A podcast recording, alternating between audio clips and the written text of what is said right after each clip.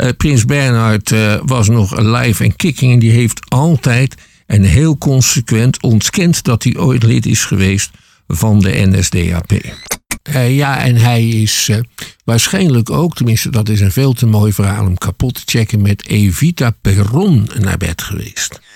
En, Bernard is wel, kwam wel vaker in Argentinië sindsdien. En Maxima is Argentijnse. Je luistert naar de praatkast met gesprekken die er echt toe doen.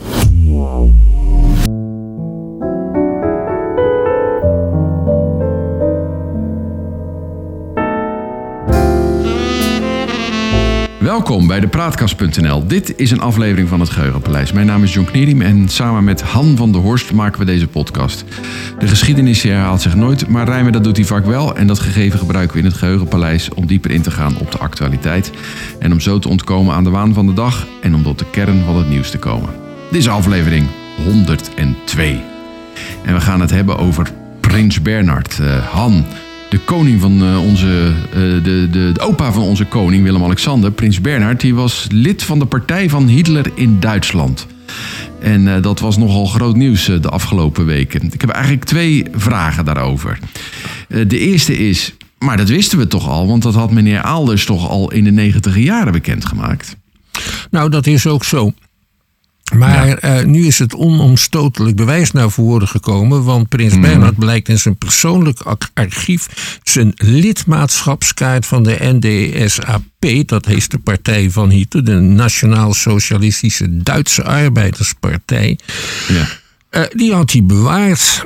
En dus weten we wanneer hij zich liet inschrijven en ook wat zijn uh, ledennummer was. Dat was ergens tegen de 2,5 miljoen aan. En hij werd ingeschreven op 1 mei 1933. Dat is een heel bijzondere datum. Ja, nou, wacht even, voordat we daar verder over gaan praten. Maar die meneer Alders, die werd toen die uh, een, een, kopie vond in een, in een archief in, uh, in Washington of in New York. Uh, van diezelfde kaart waar jij het nu net over hebt. Toen werd hij niet geloofd door nee. de, de goede gemeente. Nou, het was en hij, geen... ook, hij, hij werkte volgens mij bij het Nederlands Instituut voor nou ja, een of ander uh, instituut wat de historie uh, beschrijft. Uh, en, en, en daar kwam hij zelfs in conflict met mensen die daar werkten. Nou, dat instituut dat heette toen nog het Nederlands Instituut voor, voor Oorlogsdocumentatie. Precies, ja. En hij vond niet een kopie van de lidmaatschapskaart van Prins Bernhard, om precies te zijn, maar een steekkaart uit het archief uh, oh. van de NSDAP, waar die naam en dat lidmaatschapsnummer en de datum ook op stonden. Ja, ja. Uh, hij heeft toen uh, behoorlijk op zijn donder gekregen van ja. zijn superieuren en zij is verdacht gemaakt. Prins Bernhard was nog alive en kicking en die heeft altijd en heel consequent ontkend dat hij ooit lid is geweest van de NSDAP. Ja, maar hij is ook lid geweest van de SS. En dat heeft hij wel toegegeven. Ja, maar waarom hij- was dit dan zo'n big deal? Nou ja, dat eh, vanwege hoe het overkomt, denk ik. Prins Bernhard was lid van een afdeling van de Reiter SS. En dat was juist een, eh, een beetje exclusieve club van de SS, die zelf ook al heel exclusief was. Eh, en die hielden zich met, eh, met paardrijden bezig en waarschijnlijk ook wel met motorrijden, eh, denk ik. En daar heeft hij nooit een geheim van gemaakt. En ook niet dat hij lid was geweest van de SA.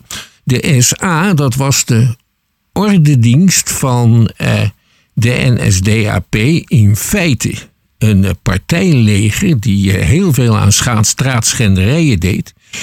En de SS was bedoeld oorspronkelijk als de lijfwacht van Adolf Hitler. Vandaar dat die ook een wat exclusiever karakter had. Ja. Maar was het in die tijd, om daar lid van te worden, eh, hadden die mensen op dat moment al kunnen weten? We hebben eens gewoest dat dat gewoon echt foute boel was. Hoorde je dat eigenlijk niet te doen? Met andere woorden, wat zegt dit over, over Bernard? eh? Eh, dat hij een kind van zijn tijd was en van zijn milieu, allebei. Kan je dat verder uitleggen? Prins Bernhard behoorde tot de hoge Duitse adel. Eh, zijn oom was de laatste vorst van het vorstendom Liepen. Dat was een, Ja. ja, een klein staartje dat onderdeel uitmaakte van het Duitse Rijk. In 19... Ja, je, we moeten, moeten goed uitleggen dan dat, dat in die tijd, In voor die tijd- 1918, eh, bestond Duitsland uit allemaal verschillende koninkrijkjes. eh. Ja, 32. Er waren soms het waren graafschappen, vorstendommen, eh, hoog, eh, groothertogdommen en een paar koninkrijken zelfs. Mhm. En helemaal aan de top stond de Duitse keizer, die tevens koning van Pruisen was. Dus dat keizerrijk, dat was eigenlijk een federale staat. Net zoals Duitsland dat nu weer is. Ja. In 1918 verloor Duitsland de Eerste Wereldoorlog. Toen is er een volksopstand gekomen. De republiek is uitgeroepen en toen zijn Mhm. al die vorsten afgetreden. Inclusief het huis het Lipa Bistaveld. I- Inclusief het huis van, eh, van Liepen. Die zijn allemaal afgetreden. En dat niet alleen. Er kwam een democratische grondwet tot stand. En daar kwam de adel niet in voor. Dus een adellijke titel was informeel. In Oostenrijk gingen ze nog verder. Daar is zelfs iedereen met von voor zijn naam verplicht om dat von te schrappen. En als je het toch gebruikt, is het strafbaar. Ja, Zover zijn ze in Duitsland niet gegaan. Dus Prins Bernhard was een, eh, ja, een, een, een lid van een afgezet vorstenhuis in een land dat de oorlog had verloren. Ja. Dus die liep daar een beetje met zijn ziel onder zijn arm. Want hij was waarschijnlijk te jong om in de Eerste Wereldoorlog eh, gevochten te Ja, hij hebben. was in 1911 eh, geboren, dus heldenmoed Ja. had hij niet kunnen vertonen Nee. voor het vaderland. Zijn titel was in feite wettelijk niets meer waard. Eh, Hij was de zoon van een jongere broer van de vorst. Veel geld had hij ook niet, maar hij moest toch zijn stand ophouden. En hij had een ouderwetse Duits-protestantse vorstelijke opvoeding gehad. En daarin stond een soort noblesse oblige centraal adel verplicht. Eh, hij had verplichtingen en eh, hij moest zich beschouwen als een soort patriarch en beschermer van de onderdanen, maar daar stond hij wel ver boven. En hij leerde bovendien dat democratie een slecht idee was en tot chaos en anarchie leidde. Wat veel beter was, was een systeem waarin welwillende vorsten regeerden en die lieten zich dan natuurlijk adviseren door een of ander gekozen parlement. eh, ja, ook waarmee in Engeland waarmee, ja. precies, waarmee, waarmee de begroting werd besproken. Maar als zo'n Ja. parlement zich dan bijvoorbeeld tegen de vorst en zijn ministers verzette, dan ging de wil van de vorst natuurlijk door. Ja. Zo, was, zo was het Duitse keizerrijk altijd gerund. Dus Beetje dat is het Iran ideaal. nu ook eh, gerund wordt. eh, dat zo'n een beetje zo'n showparlement. Wat ze Ja. dan hebben. Maar, maar kan je nou zeggen dat, hij, dat het gewoon een hele foute Duitser was? Want dat is wat, wat toch een aantal mensen eh, willen doen geloven. Ja, wat zijn foute Duitsers, hè? Ja. Dat is, eh, dat is moeilijk te zeggen. Een heel groot deel van de Duitsers die hebben na de Eerste Wereldoorlog op partijen gestemd eh, die eigenlijk wel een soort terugkeer zouden willen van het keizerrijk. Ik denk dat eh, prins Bernhard aan zijn stand verplicht was om te stemmen op een partij die heette de Duits Nationale Volkspartij. En dat was, daar zaten rechters in en hele grote zakenlieden. En dat was een antiliberale rechtse partij die een autoritair bestuurd patriarchaal Duitsland wil. Maar het waren geen antisemieten.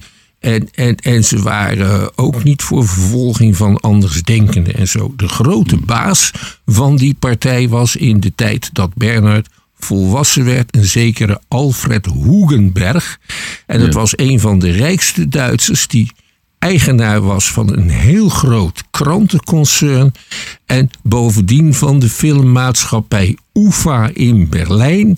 En de studio's van de UFA waren de enige ter wereld die met Hollywood konden concurreren. Ja, ja. Had te maken ook met de bloei van Berlijn in die tijd eh, natuurlijk. Het was, was een heel cultureel centrum, eh, wat ik me herinner Ja, van eerdere ook- gesprekken die we erover hebben gehad. En ook een centrum van buitengewoon wild uitgaansleven. En daar heeft Bernard eh, aardig van geprofiteerd.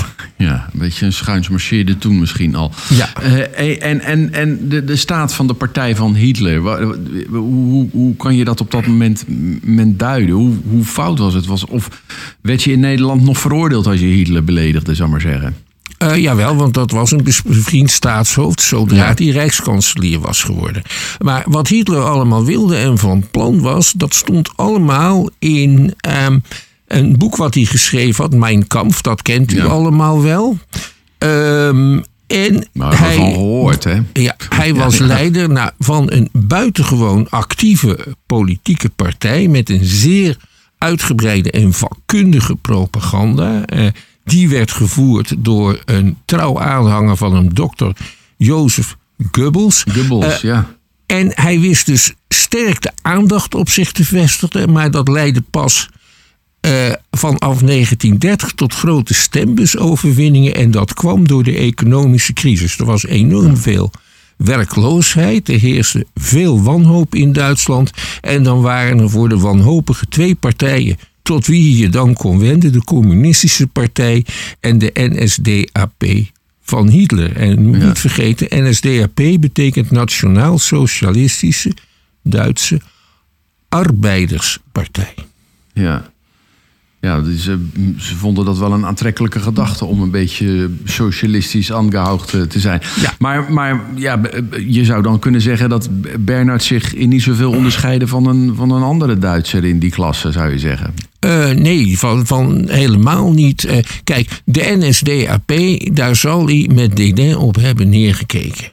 Gedurende de eerste jaren. Want dat was een volkse partij, dat had geen niveau, dat waren schreeuwlelijke en dat antisemitisme. Dat was eigenlijk toch ook misschien wel vulgair, in ieder geval op de manier waarop de NSDAP-leden en de SA dat deden bij Joden ruiten ingooien en zo. Dat deden heren niet. Nee. Wat, En- wat en- heren wel deden als ze student Ja. waren, eh, dat was duelleren. Op het Met zwaard. een sabel. Met een sabel. Ja. En dat du- duel eindigde als beiden een snee in hun, wang hadden. Ah. Eh, die snee werd dan door een dokter gehecht. eh, natuurlijk zonder verdoving. En, eh, Stoer. en die bleef altijd zichtbaar. Dat heette een schmies. U kent die schmies wel. Als u oude Duitse, of nee, oude Amerikaanse oorlogsfilms hebt gezien met foute SS'ers erin, die hebben er vaak eentje. Oh, dat, is schmies. En het aardige van Prins Bernhard is, die heeft nooit geduelleerd. Dat heeft hij in ieder geval niet gedaan. Hij had wel heel nauwe banden met een Verbindung, dat is een studentenclub, en dan een snijdende Verbindung.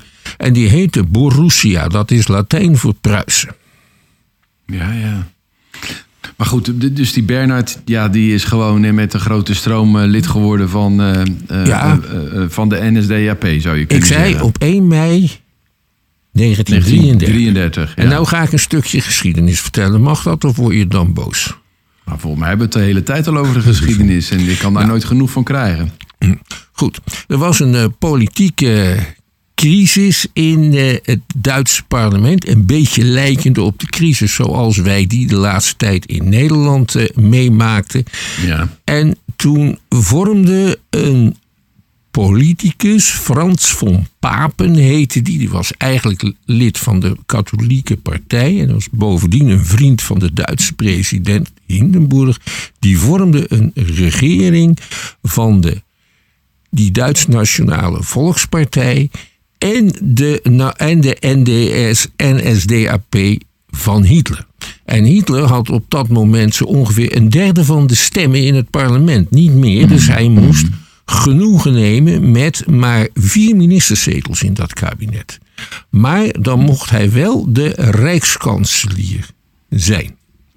En het idee van Hugenberg was eh, dat Hitler dan een soort marionet was. En was immers ook maar een vulgaire persoonlijkheid. En die, kon hij, die konde hij desnoods met eh, de hulp van president Hindenburg wel manipuleren. En Dat dat, bleek allemaal eh, niet eh, zo uitgekomen te zijn, hè? Nee, eh, niet echt. Toen stak een Nederlander, Marinus van der Lubbe, Ja, die stak de Rijksdag in die brand. stak eh. de Rijksdag in brand om een daad te stellen. Ja. Eh, later, heel lang, hebben de communisten gezegd dat hebben de nazi's zelf gedaan. En ze Ja. hebben de schuld op die eh, Van der Lubbe geschoven. Dat is waarschijnlijk niet waar. Van der Lubbe heeft het zelf gedaan en de Rijksdag brandde gewoon heel erg goed. Ehm, Maar dat was voor Hitler natuurlijk aanleiding om te zeggen... kijk, er moet wat gebeuren, ik heb nu de almacht nodig. Eh, Ja, dat zei, nou, hij heeft meteen een soort noodtoestand afgekondigd. Heel veel mensen laten arresteren in verband eh, met het dreigend terrorisme en meteen nieuwe verkiezingen uitgeschreven. In de hoop dat hij dan de absolute meerderheid zou behalen. ja. En dat heeft hij niet gehaald, denk ik, Nee. bij die verkiezingen. Het was, Dus hij was er 43 nog niet. Hij was er nog niet, 43 procent. En toen zei hij, maar de noodtoestand is gebleven. Ja. Eh, dus ik wil voor vier jaar volmachten om Duitsland te redden. En die heeft hij wel gekregen. Die heeft hij wel gekregen met steun van de katholieken. En het hielp ook dat ze de verkiezing van de 100 communistische parlementariërs even ongeldig hadden verklaard. Ja, ja, ja. Dan kan je En dat gebeurde het... allemaal eind maart 1933. En dan in de volgende maand, in april, denkt Bernard, Bernard, die hmm, het is misschien toch verstandig als ik dan maar lid word van de NSDAP. Hij was niet de enige. Eind negen- begin 1933 had eh, de NSDAP ongeveer 900.000 leden. En in mei, begin mei, eind april waren het er 2,5 miljoen. Zoveel dat de NSDAP een ledenstop instelde. Want de administratie werd een chaos op deze manier. En toen ze dat meer eh, bij de, de, zeg maar het, het aanbod bij de vraag hadden aangepast, dan kon je weer lid worden. Dus je beschrijft eigenlijk twee dingen. De toevalligheid waarmee Hitler dan eigenlijk eh, eh, eh, de almacht heeft gekregen... als alleenheerser daar in Duitsland gang kon gaan...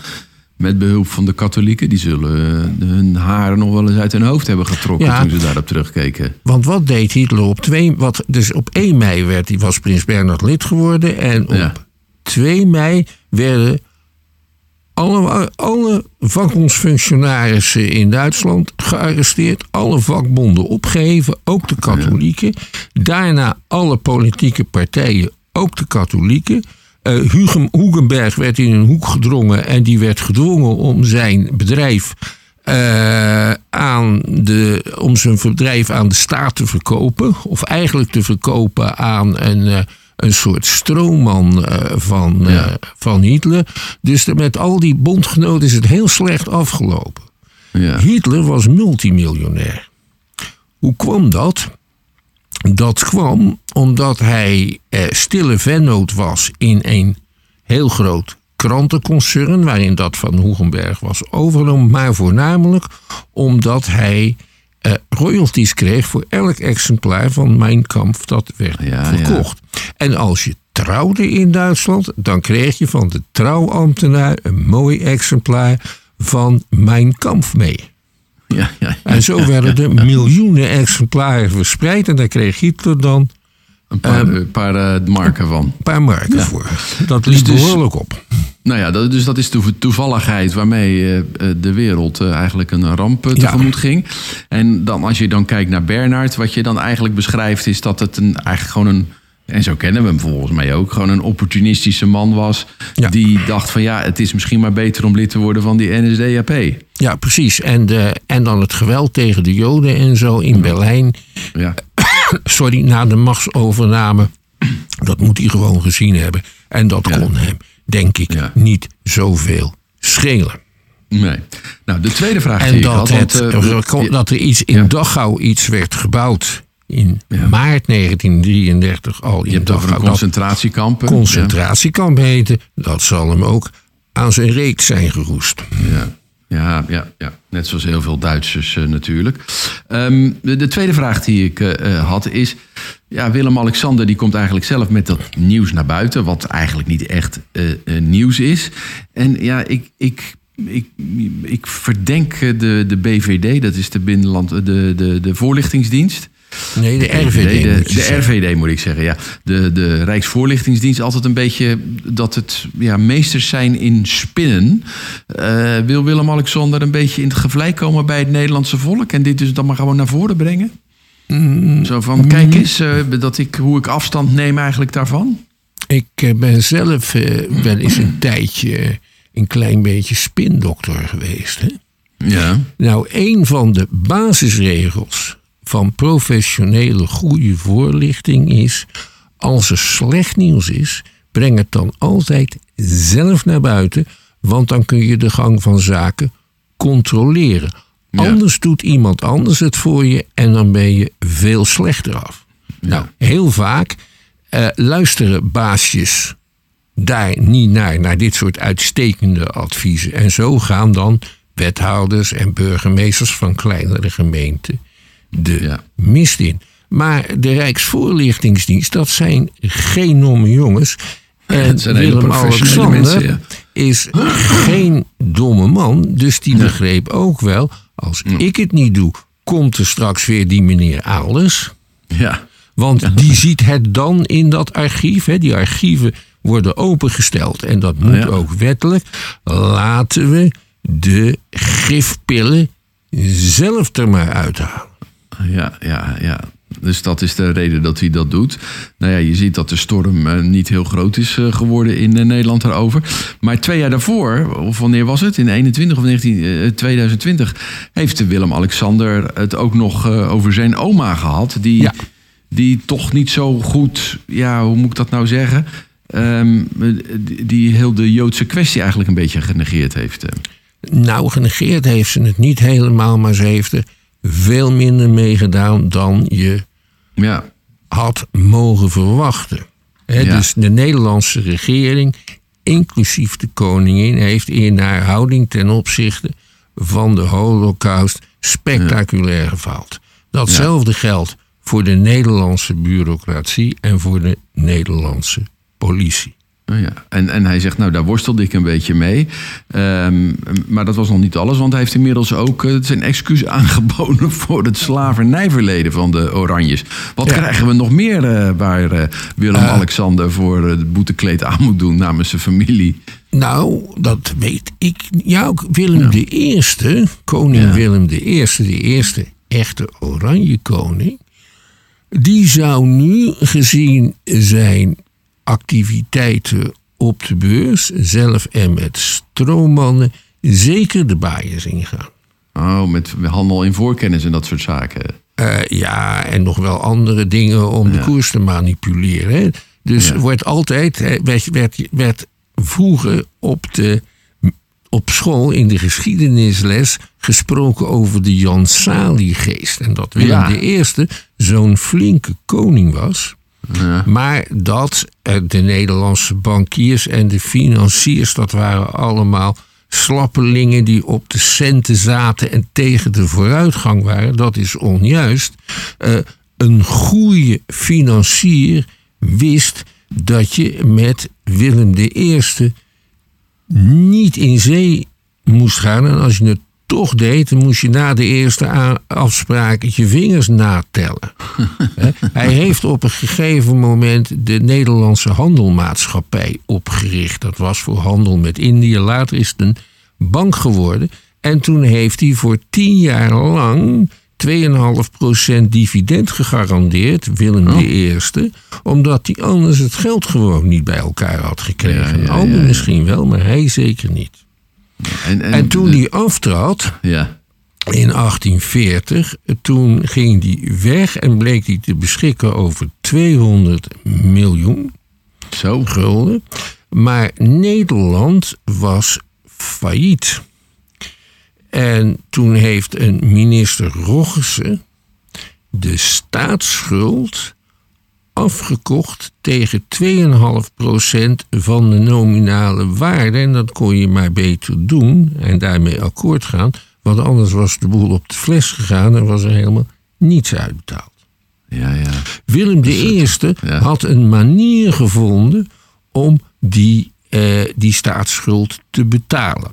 Eh, Napoleon had gewoon gezegd: je krijgt een derde van de rente en verder niks.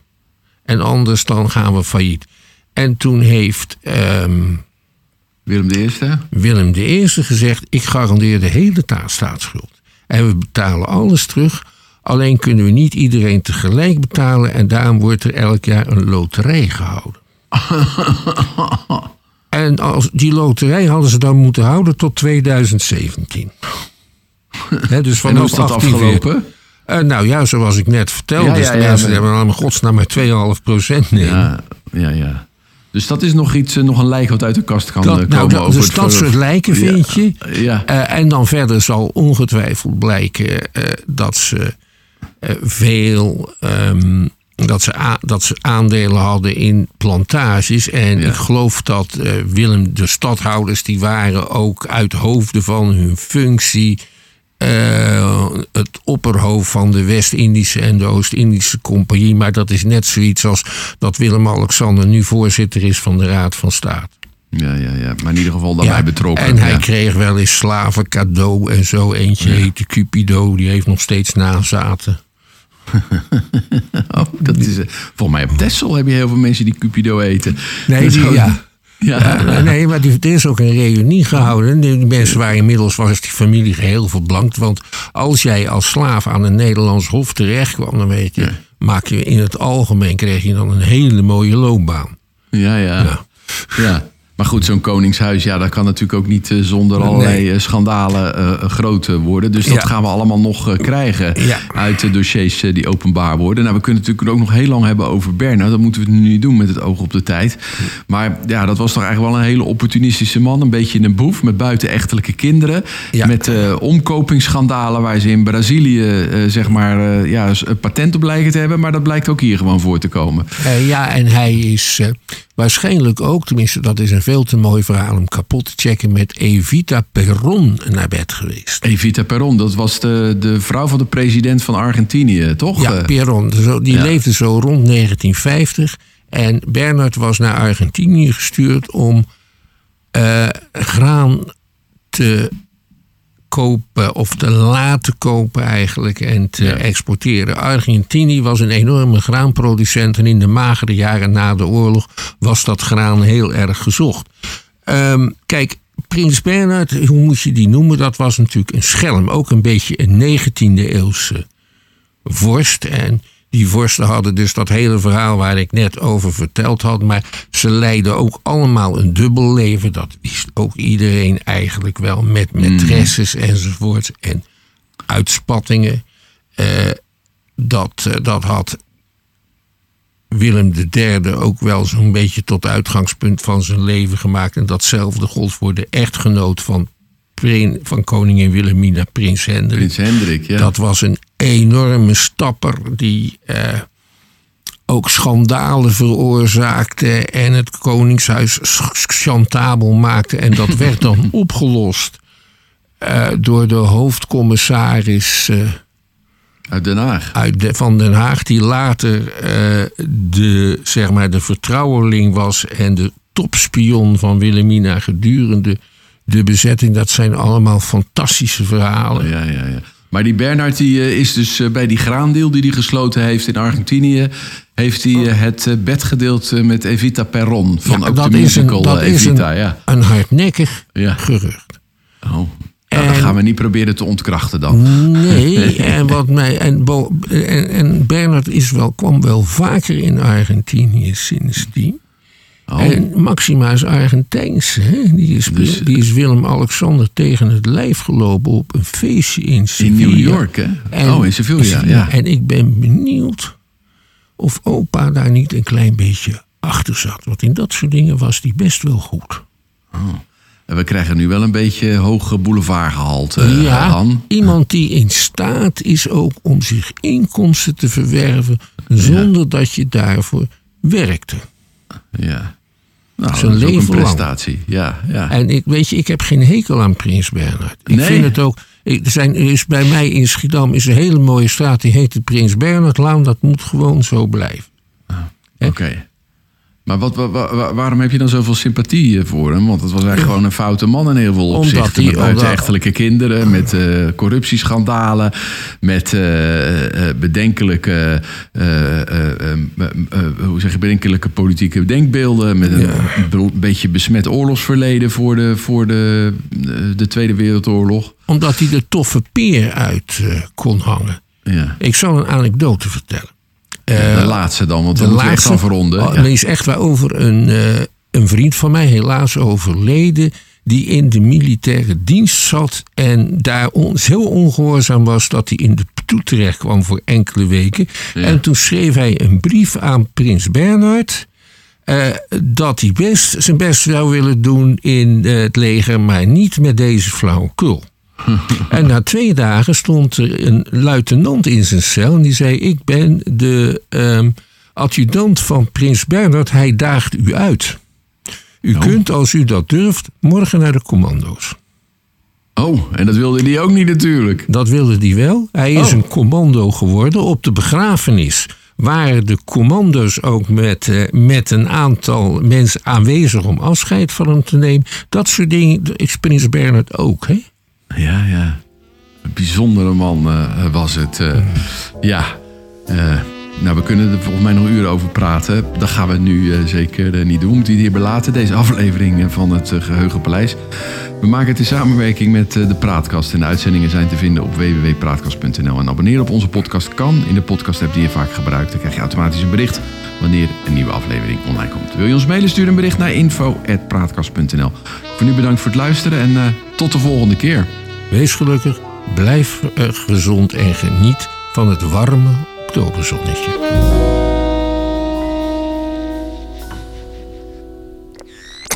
De praatkast.